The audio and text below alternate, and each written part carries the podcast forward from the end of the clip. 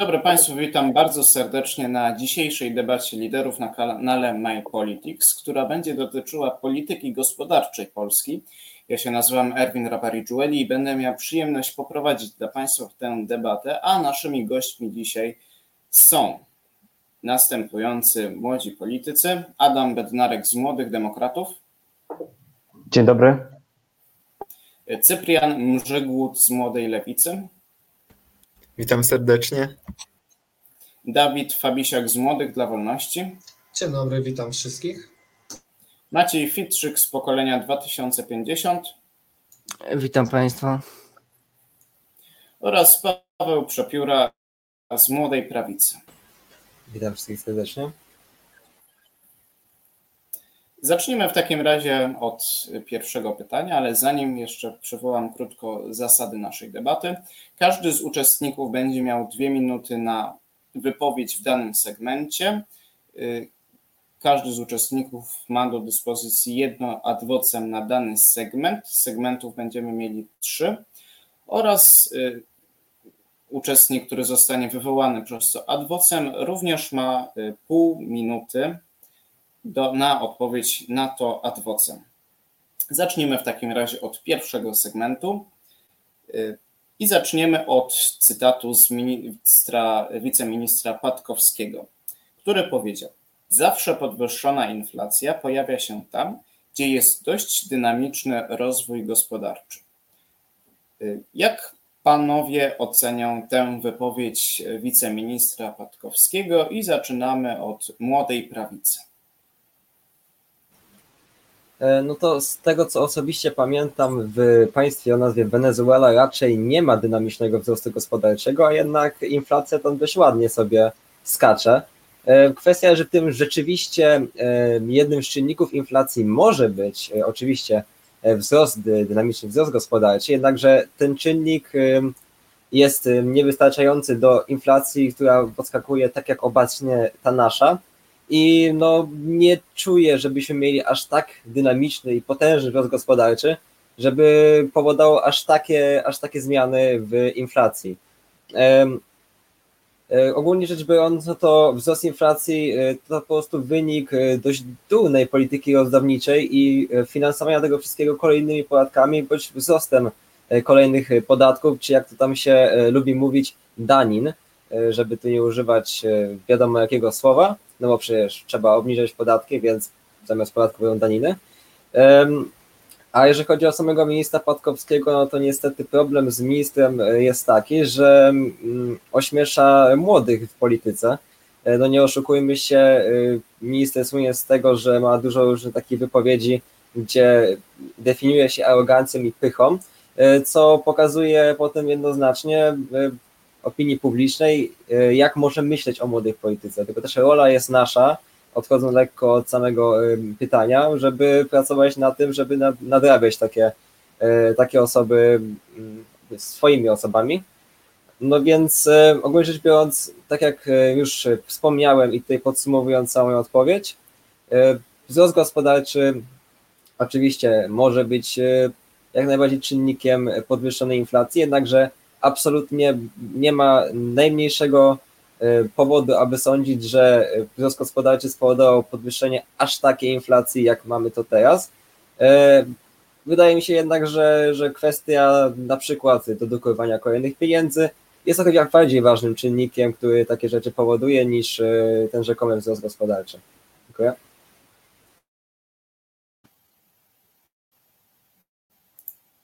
Dziękuję bardzo. A teraz odpowie nam y, przedstawiciel pokolenia 2050. Y, przede wszystkim tu należy się y, zastanowić i zadać sobie pytanie, czy w czasach komunizmu, y, kiedy była też bardzo przecież wysoka inflacja, panował ten dynamiczny rozwój gospodarczy. No, odpowiedź, oczywi odpowiedź oczywiście brzmi nie, więc ta wypowiedź ministra Patkowskiego to jest po prostu zwykła manipulacja obywatelami i, i po prostu uważanie nas za idiotów i że nie wiemy, co się po prostu dzieje w rządzie. Natomiast inflacja spowodowana inwestycjami jest jak najbardziej tutaj wskazana.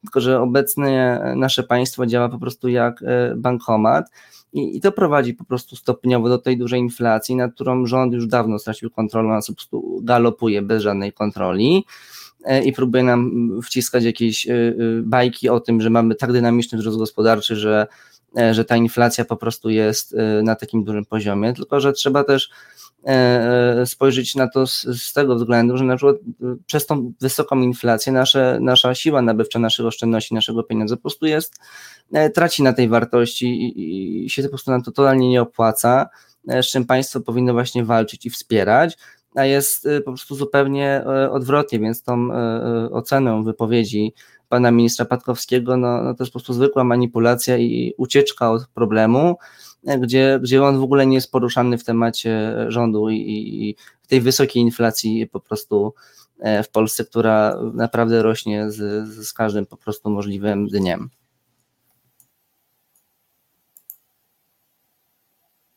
Dziękuję bardzo. A teraz e, czas na odpowiedź przedstawiciela Młodych dla Wolności. Dziękuję. Ja się momentami zastanawiam, czy pan Patkowski to nie ma celowo takiej roli w rządzie, gadania takich głupot, żeby odwracać gdzieś uwagę od tego, co robi rząd. Bo moim zdaniem powody, dla których mamy taką inflację aktualnie w Polsce, no ja bym dwa wyróżnił. Po pierwsze, tu podaż pieniądza, czyli taka nieprzemyślana polityka monetarna, która nie jest zbalansowana, ta podaż pieniądza na poziomie wzrostu produktywności. I oczywiście, że rząd PiSu będzie prowadził do inflacji, ponieważ ona dla nich jest dobra, bo gdy oni zaciągają zadłużenia, których zaciągają bardzo dużo, to wraz z inflacją te zadłużenia realną wartość mają mniejszą, łatwiej się je spłaca. Złudne wrażenie otrzymywania pieniędzy też działa dobrze na elektorat PiSu, bo oni nie zauważają tego, że przez politykę rządu te ceny rosną, tylko będą za to obwiniać prywaciarzy, i drugim powodem e, inflacji w mojej ocenie są też bardzo niskie stopy procentowe. Kredyty są prawie za darmo, powstaje masa nowych przedsiębiorstw, dużo inwestycji, które są na przyszłość kierowane, a w tym samym czasie ludziom nie opłaca się oszczędzać i w efekcie walczą o te same dobra z przedsiębiorcami, inwestorami i to tylko jeszcze bardziej potęguje tą inflację. Ponadto prowadzi to do sytuacji, w której ludzie wydają aktualnie, a przedsiębiorcy dzięki tym kredytom często inwestują na przyszłość i mamy dość dużą rozbieżność czasową tutaj, bo ludzie chcą wydawać teraz, przedsiębiorcy chcą inwestować na przyszłość, bo mają darmowe kredyty. I problem będzie w momencie, gdy ktoś podniesie te stopy procentowe, bądź stanie się coś bardzo złego na rynku, bo raty kredytów pójdą w górę, masa tych firm inwestycji nagle okaże się nierentowna, niewypłacalna, zaczną upadać. Dobijają jeszcze to, że ludzie nagle będą z powrotem skorzy do oszczędzania i ta konsumpcja spadnie, a przecież te firmy powstają właśnie dla tej konsumpcji na przyszłość i upadające firmy będą jeszcze zwalniać ludzi, co doprowadzi do podniesienia bezrobocia i zmniejszy konsumpcję. Dziękuję. Dziękuję bardzo. Kolejna przedstawiciela Młodej Lewicy.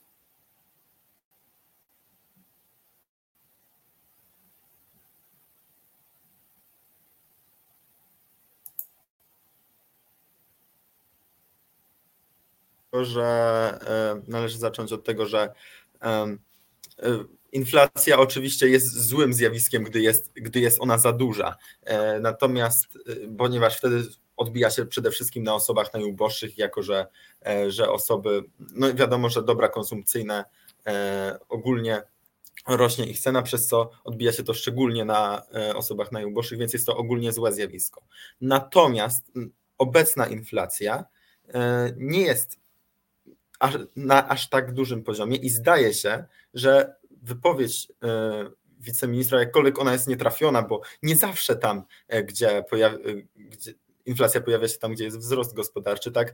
Jednak w tym zdaje się, że w drugim kwartale tego roku mieliśmy wzrost gospodarczy na poziomie 11%, co faktycznie może świadczyć, mogło być tym czynnikiem głównym prowadzącym do tego, że, mm, że ta inflacja, którą obecnie mamy, jest na tak wysokim e, poziomie, jednak to dalej nie jest poziom na tyle e, wysoki, żeby doprowadzać do jakiegoś wychładzania gospodarki i jakkolwiek ta wypowiedź mo mogła być nietrafiona, tak w istocie ja osobiście diagnozuję, że to właśnie wzrost gospodarczy, czy po prostu konieczne środki, jakie trzeba było podejmować w walce z, z kryzysem, doprowadziły do tej inflacji. Jest ona po prostu w pewien sposób naturalnym zjawiskiem, naturalną konsekwencją podnoszenia się gospodarki po kryzysie.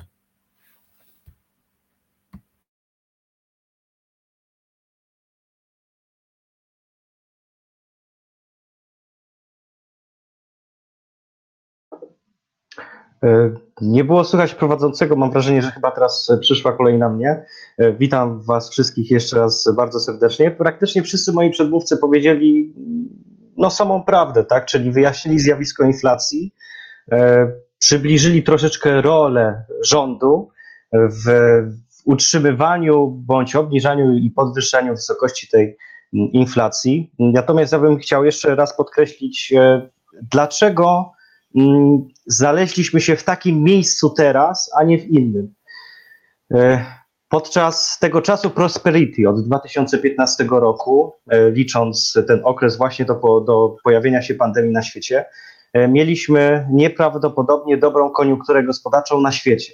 No to powodowało, że mogliśmy zyskać w budżecie państw więcej pieniędzy, no i tworzyć nadwyżki budżetowe, po to, żeby stworzyć tak zwaną E, poduszkę finansową na takie lata kryzysów, z jakimi obecnie mamy do czynienia. E, rząd PiSu tego nie robił. Można sobie bardzo łatwo sprawdzić, jakie deficyty jako jedne z najniższych państw, nie tylko w Unii Europejskiej, ale w Europie mieliśmy w czasie tego prosperity. E, to się musiało w jakimś sensie tym ekonomicznym i czyli dla naszych portfeli praktycznie, dla tej, tej podstawy gospodarki, czyli dla naszych portfeli odbić się, więc ta wysoka inflacja y, po części jest wynikiem bardzo dynamicznego wzrostu gospodarczego e, w zeszłym e, miesiącu i w ogóle w zeszłych miesiącach.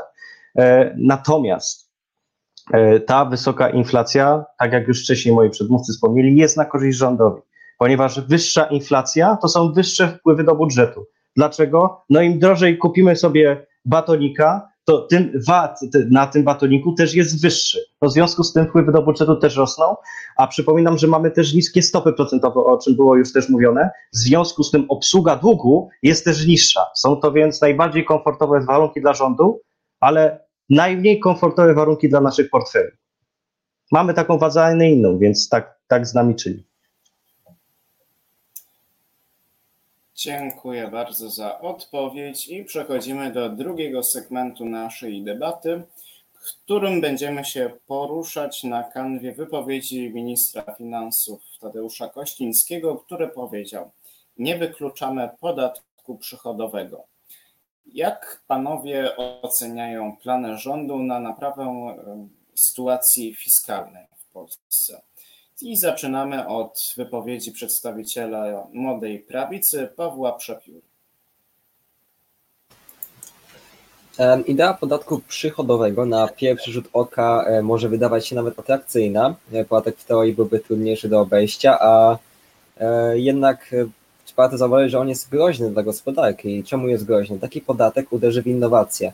Start-upy będą miały o wiele, o wiele bardziej podgórkę, będą miały zdecydowanie podgórkę przy podatku przychodowym, a uderza też małe i średnie przedsiębiorstwa, e, ponieważ takie rozwiązanie wspiera konsolidację, co no oczywiście jest do takich przedsiębiorstw na minus. E, no a sam podatek i tak da się obejść, jest to oczywiście trudniejsze, ale no i tak jest to możliwe i tak to będzie robione. E, warto po prostu zauważyć, że rząd Zjednoczonej Prawicy próbuje teraz jak najbardziej jakoś odratować sytuację finansową, no to to już mówił e, prezes Jarosław Gowin, e, że ta sytuacja finansów e, naszego państwa jest tragiczna, że w 2023 roku prawdopodobnie będą czekały na ścięcia, do których rząd PiS stara się albo jakimś cudem uniknąć, co wątpię, że się uda, albo w drugim wypadku zrobić przedwczesne wybory i rzucić wszystko na opozycję, całą winę za, za te cięcia.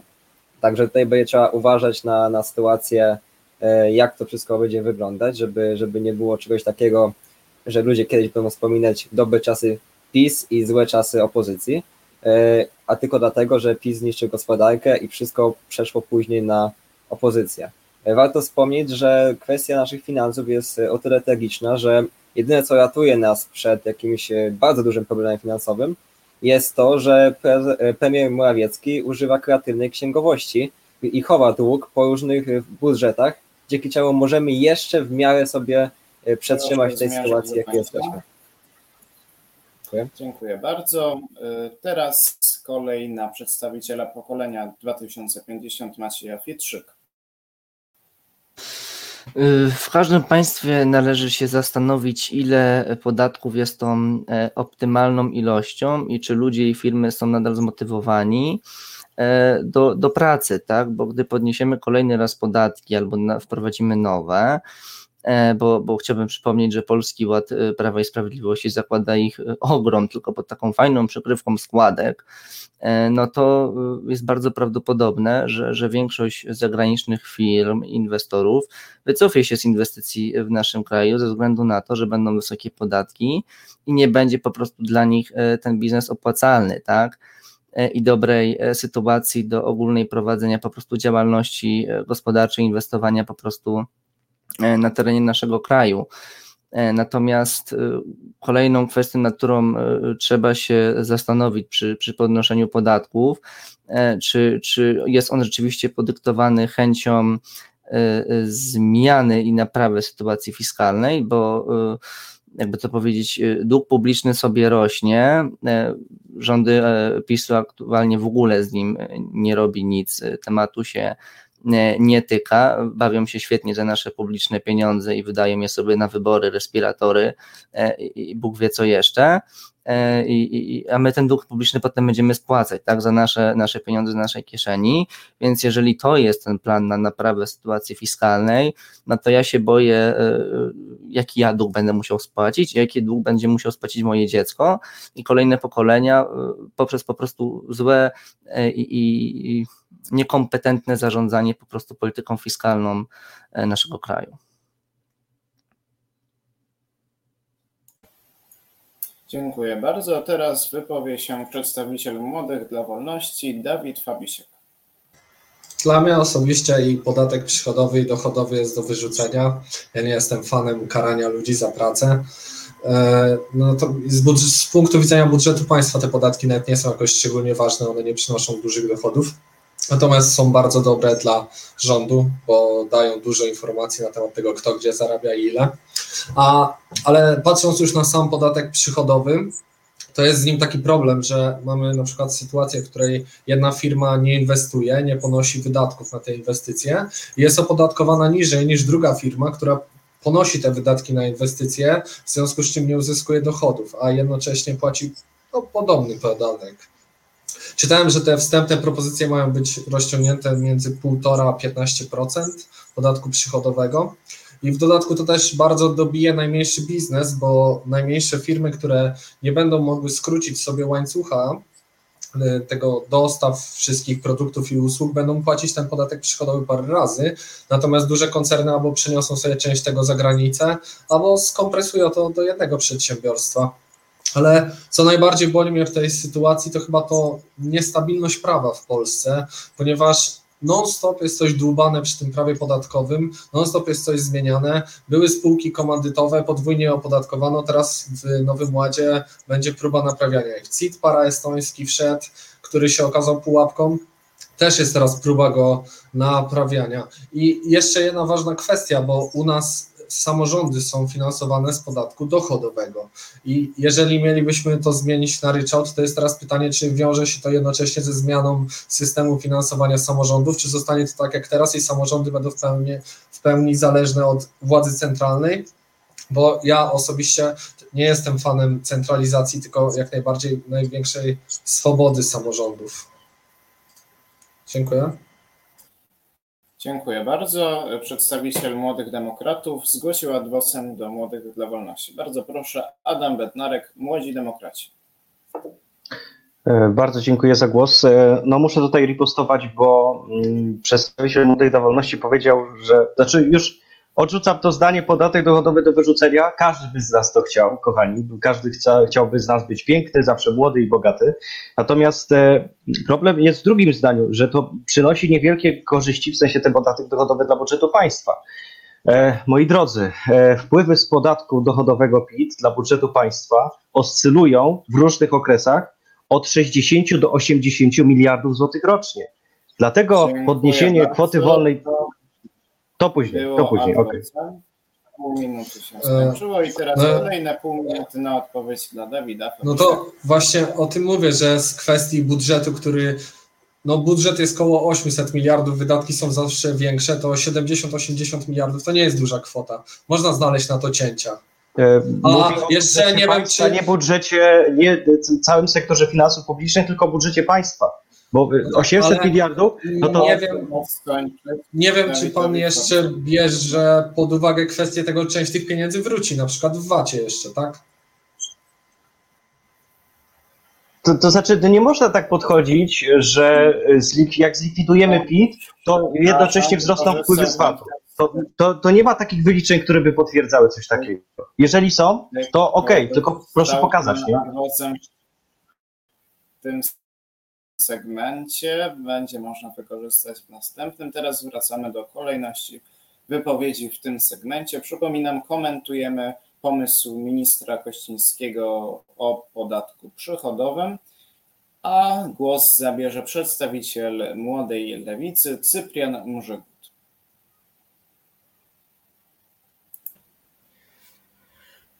Podatek przychodowy nie jest generalnie dobrym pomysłem. Plan na naprawę y, polityki fiskalnej państwa powinien być zdecydowanie inny. Przede wszystkim to powinno, y, powinna być mm, zmiana y, polityki podatkowej na bardziej progresywną, żeby zmniejszać, zmniejszać różnice społeczne, co jak pokazują między innymi raporty OECD w sposób e, oczywisty prowadzi do rozwoju gospodarczego, e, co też wiadomo wspomoże naszą e, gospodarkę. E, Także e, no wiadomo, że jednak mm, wbrew temu, co niektórzy twierdzą, e, nierówności społeczne są problemem, zaś sam podatek przychodowy po prostu właśnie nie- bierze pod uwagę e, za bardzo rentowności, jest po prostu e, utrudnieniem i lepiej po prostu e, właśnie doprowadzić do e, pro, wprowadzić progresywny e, mm, podatek, tak jak powiedziałem, dochodowy, progresywny podatek majątkowy, no i opodatkować e, cyfrowych gigantów, tak żeby mm, zwiększyć w istocie wpływy do budżetu, jeśli jest to wymagane, e, zaś e, nie powodować tutaj większych utrudnień dla szczególnie małych i średnich biznesów, co jest zdecydowanie mm, niepotrzebne w próbującej odbudować się gospodarce. Dziękuję. Dziękuję i głos jako ostatni w tym segmencie zabierze przedstawiciel Młodych Demokratów Adam Bednarek. Zdaje się, że ja troszeczkę naruszyłem wcześniej e, reguły debaty, także przepraszam najmocniej. E, jeszcze takie słówko odnośnie inflacji, bo tutaj na czacie widziałem, że użytkownicy Galaxy Pchotos i Wojciech Kosak piszą, że inflacja jest ogólnie zła, dobra jest deflacja. E, no właśnie, kochani, trochę abstrahując od tej wypowiedzi ministra Patkowskiego, e, to za tych strasznych rządów PO-PSL w 2013 i 2014 roku e, średnioroczna inflacja była poniżej 1%, więc mieliśmy do czynienia z, de facto z deflacją, a wzrost gospodarczy e, przynajmniej w 2014 był na poziomie 3,3%, więc jest możliwe utrzymywanie podczas fali jakiejś kryzysu, a taka była w 2013, wysokiego wzrostu gospodarczego i niskiej inflacji czy nawet deflacji. E, Nie jest to do końca zjawisko dobre, nie jest to też zjawisko złe. Są różne opinie. Natomiast co do podatku przychodowego, e, warto konsultować ten pomysł ze środowiskiem biznesowym. No, rząd musi rozmawiać z przedstawicielami biznesu, z przedsiębiorcami, bo e, ja jestem sceptyczny, jeżeli chodzi o podatek przychodowy dla działalności gospodarczych małych i średnich przedsiębiorstw, bo one mają już różne formy rozliczania, więc tutaj raczej nie przeszkadzajmy. Natomiast jeżeli chodzi o te większe firmy, jak najbardziej można o tym dyskutować. Pytanie na przykład, czy taki dwuprocentowy podatek przychodowy Orlen byłby w stanie w ogóle płacić, bo to jest podatek od obrotu, od przychodu, a nie od dochodu. To, to, to na razie tyle, bo mm, to są oczywiście pomysły, ale one muszą być skonsultowane ze środowiskiem biznesu i środowiskiem przedsiębiorców. Sam zamysł warto kontynuować, ale jeżeli wprowadzać coś, coś takiego, to na poziomie tych większych firm na samym początku. Dziękuję bardzo. Przechodzimy do następnego segmentu, w którym poruszymy rozważany przez Ministerstwo Finansów pomysł 3% składki zdrowotnej dla przedsiębiorców i jej stopniowy wzrost. I tu pojawia się pytanie, czy za wzrostem podatków na rzecz opieki zdrowotnej, czy równa się podniesienie poziomu tej opieki? I tutaj proszę o Państwa, Panów komentarz. Zaczynamy e, tak jak wcześniej, zgodnie z tą kolejnością Pawła. Wcześniej od przedstawiciela Młodej Prawicy, od Pawła Przepióry. E, na pewno jest to lepszy pomysł niż poprzedni, jednakże dalej nie jest to i tak czy siak docelowo dobry pomysł. Ogólnie rzecz biorąc, opieka zdrowotna w Polsce potrzebuje lekarzy, potrzebuje pielęgniarek, potrzebuje ekip z karetek, e, a nie pakowania po prostu pieniędzy, byle je zapakować, byle były, byle można było się pochwalić, że kolejne pieniądze żeśmy sobie wrzucili do służby zdrowia, bo jakby te podwyżki już nieraz były ogłaszane, nieraz było ogłaszane, że jest coraz więcej pieniędzy w służby zdrowia, jednakże czy sytuacja się zmieniła jakoś szczególnie na lepsze, do tego nie widać. Mamy sytuację, kiedy coraz więcej karetek nie wyjeżdża już w ogóle ze swoich e, stanowisk, ponieważ nie ma po prostu ludzi z tych karetek, nie ma ekip ratowniczych, ponieważ e, składają oni wypowiedzenia. Jest to praca e, dość ciężka, wymaga znajomości medycznej, wymaga wiedzy medycznej, wymaga fizycznego i często psychicznego e, siły fizycznej i często psychicznej, ponieważ no, wiemy z jakimi rzeczami do czynienia mają takie ekipy.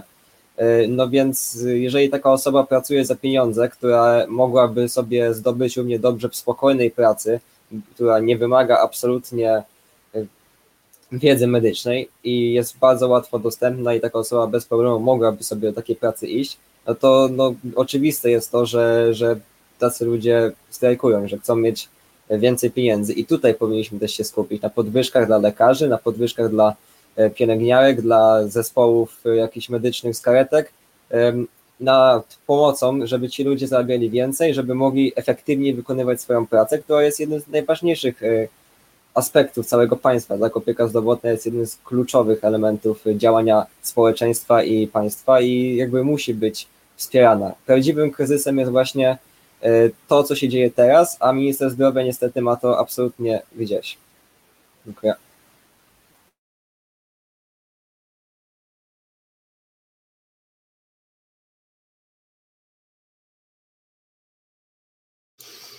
Rozumiem, że teraz jest kolej na, na moją odpowiedź. Y, zgodzę się tutaj z moim przedmówcą z młodej prawicy. Rzeczywiście ratownicy medyczni e, składają wypowiedzenia i kilka, kilka retek nie wyjeżdża, no bo po prostu pracownicy służby zdrowia e, pracu, protestują, tak, bo nie chcą wykonywać ciężkiej e, pracy za, za słabe pieniądze. Natomiast co do pytania, doświadczenie uczy, że podniesienie tej składki zdrowotnej E, nie ma e, zawsze wpływu na polepszenie się sytuacji opieki zdrowotnej, tak? Bo jeżeli coś nie działa, my tam dorzucimy pieniędzy, to to nagle nie zacznie po prostu działać lepiej, tylko będzie żarło więcej pieniędzy. E, więc tutaj jest problem bardziej w kadrach, a nie, a nie w, w daniu tam po prostu pieniędzy więcej, bo one po prostu staną przejedzone i źle wykorzystane a problem się nie rozwiąże. No ale jak chcesz y, tak gospodarkę zajechać i prywatne firmy zniszczyć, no to dorzućmy kilka podatków i się to po prostu uda bez problemu. E, sytuacja w polskiej e, e, opiece zdrowotnej no jest dramatyczna, tak? Brakuje kadry, lekarze, do lekarzów specjalisty E, trzeba czekać bardzo długo, bardzo często zanim dojdzie do wizyty, to, to pacjent po prostu już, już jej nie, utrzy, nie otrzyma za, za swojego życia e, i to jest ten problem, tak? Natomiast e, ja widzę jeszcze głębszy problem, czyli co jest z młodymi lekarzami, tak? Kto będzie, kto będzie leczył nas, bo młodzi lekarze po studiach wyjeżdżają z naszego kraju, ponieważ, no, jakby to powiedzieć, ilość nauki, studiów i, i, i potem specjalizacji, no, nie opłaca im się po prostu w Polsce pracować za, za tak słabe pieniądze, tak, i wynagrodzenie, tak, że, że rzeczywiście w krajach zagranicznych, w Niemczech jest tam zdecydowanie lepiej, tam po prostu oni wyjeżdżają.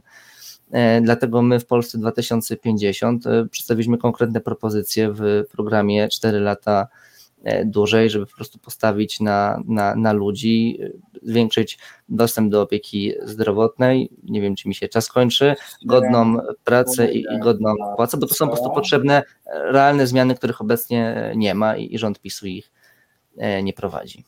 Dziękuję bardzo. To był y, Maciej Fitrzyk z pokolenia 2050, komentujący pytanie, czy zwiększanie nakładów budżetowych na służbę zdrowia równa się z podniesieniem poziomu y, jakości świadczeń zdrowotnych. I w tym kontekście wypowie się teraz przedstawiciel Młodych dla Wolności, Dawid Fabisiak. Dziękuję. Oczywiście, że nie zwiększy to jakości służby zdrowotnej, wystarczy spojrzeć na liczby.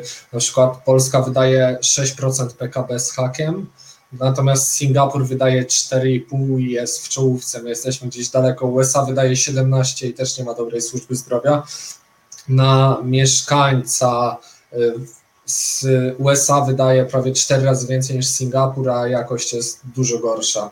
I głównym problemem to jest system tej opieki zdrowotnej, taki scentralizowany, gdzie pieniądze nie idą za pacjentem, tylko pacjent tak naprawdę za pieniędzmi i ten system należałoby urynkowić. My w swoim programie mamy przedstawiony bon zdrowotny, który by to urynkowił i poprawił tą sytuację. Kiedyś trochę lepsze były kasy chorych, tam Andrzej Sośnierz, brat posła, znaczy tata posła naszego pracował. I problemem też zgodzę się, że jest na pewno liczba lekarzy w Polsce i średnia wieku lekarza specjalisty to ponad 50 lat, więc tutaj jest realny problem i zanim ci lekarze na rynku się pojawią, to minie długi czas, więc nie wiem, czy to jest problem, który można tak łatwo rozwiązać.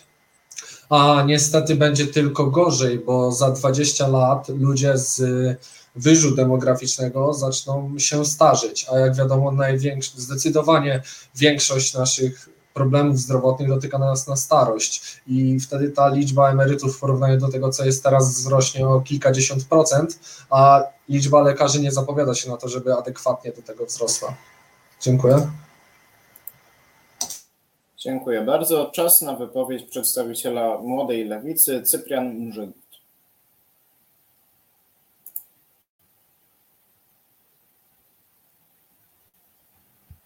Oczywiście, że trzeba zwiększyć e, finansowanie e, ochrony zdrowia, przede wszystkim do poziomu przynajmniej 7,2% e, PKB do standardów europejskich. No, dla mnie niewyobrażalne jest w jednym zdaniu powiedzieć o tym, że trzeba zwiększyć, zwiększyć mm, dochody, wynagrodzenie osób pracujących w ochronie zdrowia, jednocześnie mówiąc, że zwiększenie finansowania nic nie zmieni. No, zwiększenie finansowania zmieni bardzo dużo, zmniejszy kolejki, sprawi, że pracownicy medyczni i około medyczni zaczną godnie zarabiać, e, sprawi, że będziemy mogli e, utrzymywać szpitale powiatowe zamiast je prywatyzować czy centralizować. Ja oczywiście wiem, że mm, no, niektórzy chcieliby dążyć do tego, żeby szpitali było 130, ale ja osobiście, no i też młoda lewica chcielibyśmy, żeby jednak zdrowie też nie było przywilejem tylko osób z e, większych ośrodków, e, ale też, ale po prostu możliwością, prawem dla wszystkich i z tego powodu po prostu potrzebujemy opieki zdrowo- zwiększenia nakładów na opiekę medyczną, potrzebujemy e, nakładów na to, żeby refundować leki na receptę, właśnie na e, personel medyczny i około medyczny e, oraz na finansowanie oraz modernizację szpitali. No, oczy, o, po prostu oczywiste jest to, że potrzebujemy zwiększenia nakładów finansowych e, na ochronę zdrowia do 7,2% PKB. Dziękuję bardzo i jako ostatni wypowie się w tym segmencie Adam Bednarek, przedstawiciel Młodych Demokratów. Bardzo się cieszę, że konkurencja e, cytuje pana marszałka Grodzkiego. Warto cytować autorytety. E, moi drodzy, nie ma z punktu widzenia finansów publicznych w sektorze służby zdrowia bardziej kosztownej placówki niż szpital. Więc cieszę się, że marszałek Grodzki w końcu powiedział, jak wygląda sytuacja, bo to, że musimy cały czas dorzucać do służby zdrowia, jest właśnie efektem tego, że y, mamy coraz więcej tych szpitali, placówek medycznych. No PiS y, właśnie na takiej kanwie, żeby każdy miał dostęp do szpitala, do służby zdrowia, no musi sobie zdawać sprawę, że y, to, to nie jest tak, że jak to rośnie grzyby po deszczu i nie trzeba nic y, dorzucać. To tam trzeba właśnie dorzucać pieniędzy. Więc y, samo podniesienie wydatków na służbę zdrowia nie pomoże. Trzeba racjonalnie wydawać pieniądze i przede wszystkim racjonalnie wydawać. To nie jest tak, że cały czas zwiększając wydatki polepszymy usługi publiczne. To nawet nie dotyczy tylko służby zdrowia, tylko w ogóle całego sektora. Więc tu się musi zmienić u nas myślenie. Przede wszystkim musi się zmienić myślenie urządzących. E, To tyle kończąc ten, ten temat ze służbą zdrowia, jeżeli chodzi o składkę zdrowotną dla, mm, dla przedsiębiorców. No mam nadzieję, że nie uzależniamy jej od dochodu, bo to będzie straszne podwyższenie podatków i w ogóle kosztów prowadzenia działalności gospodarczej. E, To, żeby mieć kwotę wolną od podatku na poziomie 30 tysięcy złotych, ktoś za to musi zapłacić. To nie jest tak, że to się bierze nie wiadomo skąd. Żeby komuś dać, trzeba komuś coś zabrać. Koniec. Nie ma innej metody. E, Wracając troszeczkę do czatu, e, użytkownik Chris napisał, że za platformy była inflacja 5% w 2011 roku. Tak była, ponieważ ta inflacja nie jest tylko i wyłącznie takim e, skutkiem poczynienia rządowych, ale także sytuacji ogólnej. Jaka była cena baryłki e, ważnego towaru na świecie, czyli ropy naftowej e, w 2011 roku? 108 dolarów za baryłkę. Teraz mamy 72, a są wyższe ceny za benzynę dla takiego użytkownika jak ja, jak ty, podczas korzystania z, ze stacji benzynowej. Dziękuję bardzo. To była wypowiedź y, przedstawiciela młodych y, demokratów i tą wypowiedzią y, zakończymy dzisiejszą debatę. Ja Państwu tylko chciałbym polecić dzisiejszy komentarz polityczny, który będzie o godzinie 20.30. Gośćmi Jana Romanowskiego będzie minister do spraw młodzieżowych w rządzie Zjednoczonej Prawicy Piotr Mazurek przedstawiciel Konfederacji Jacek Wilk, posłanka z Koła Polskie Sprawy Agnieszka Ścigaj i z Platformy Obywatelskiej poseł Adrian Piechota. Ci politycy będą gośćmi Jana Romanowskiego w komentarzu politycznym o godzinie 20.30, a to była debata liderów, w której brali udział przedstawiciel Młodych dla Wolności Dawid Fabisiak, Dziękuję wszystkim. Przedstawiciel Młodej Prawicy Paweł Krzapiura, Dziękuję i do zobaczenia. Adam Bednarek z Młodych Demokratów, Każdy z nas w swoim życiu miewa zakręty ważne, żeby wyjść z nich na prostą. Dziękuję bardzo. Maciej Fitrzyk z pokolenia 2050 Dziękuję za zaproszenie. i Cyprian Mrzygłód z Młodej Lewicy.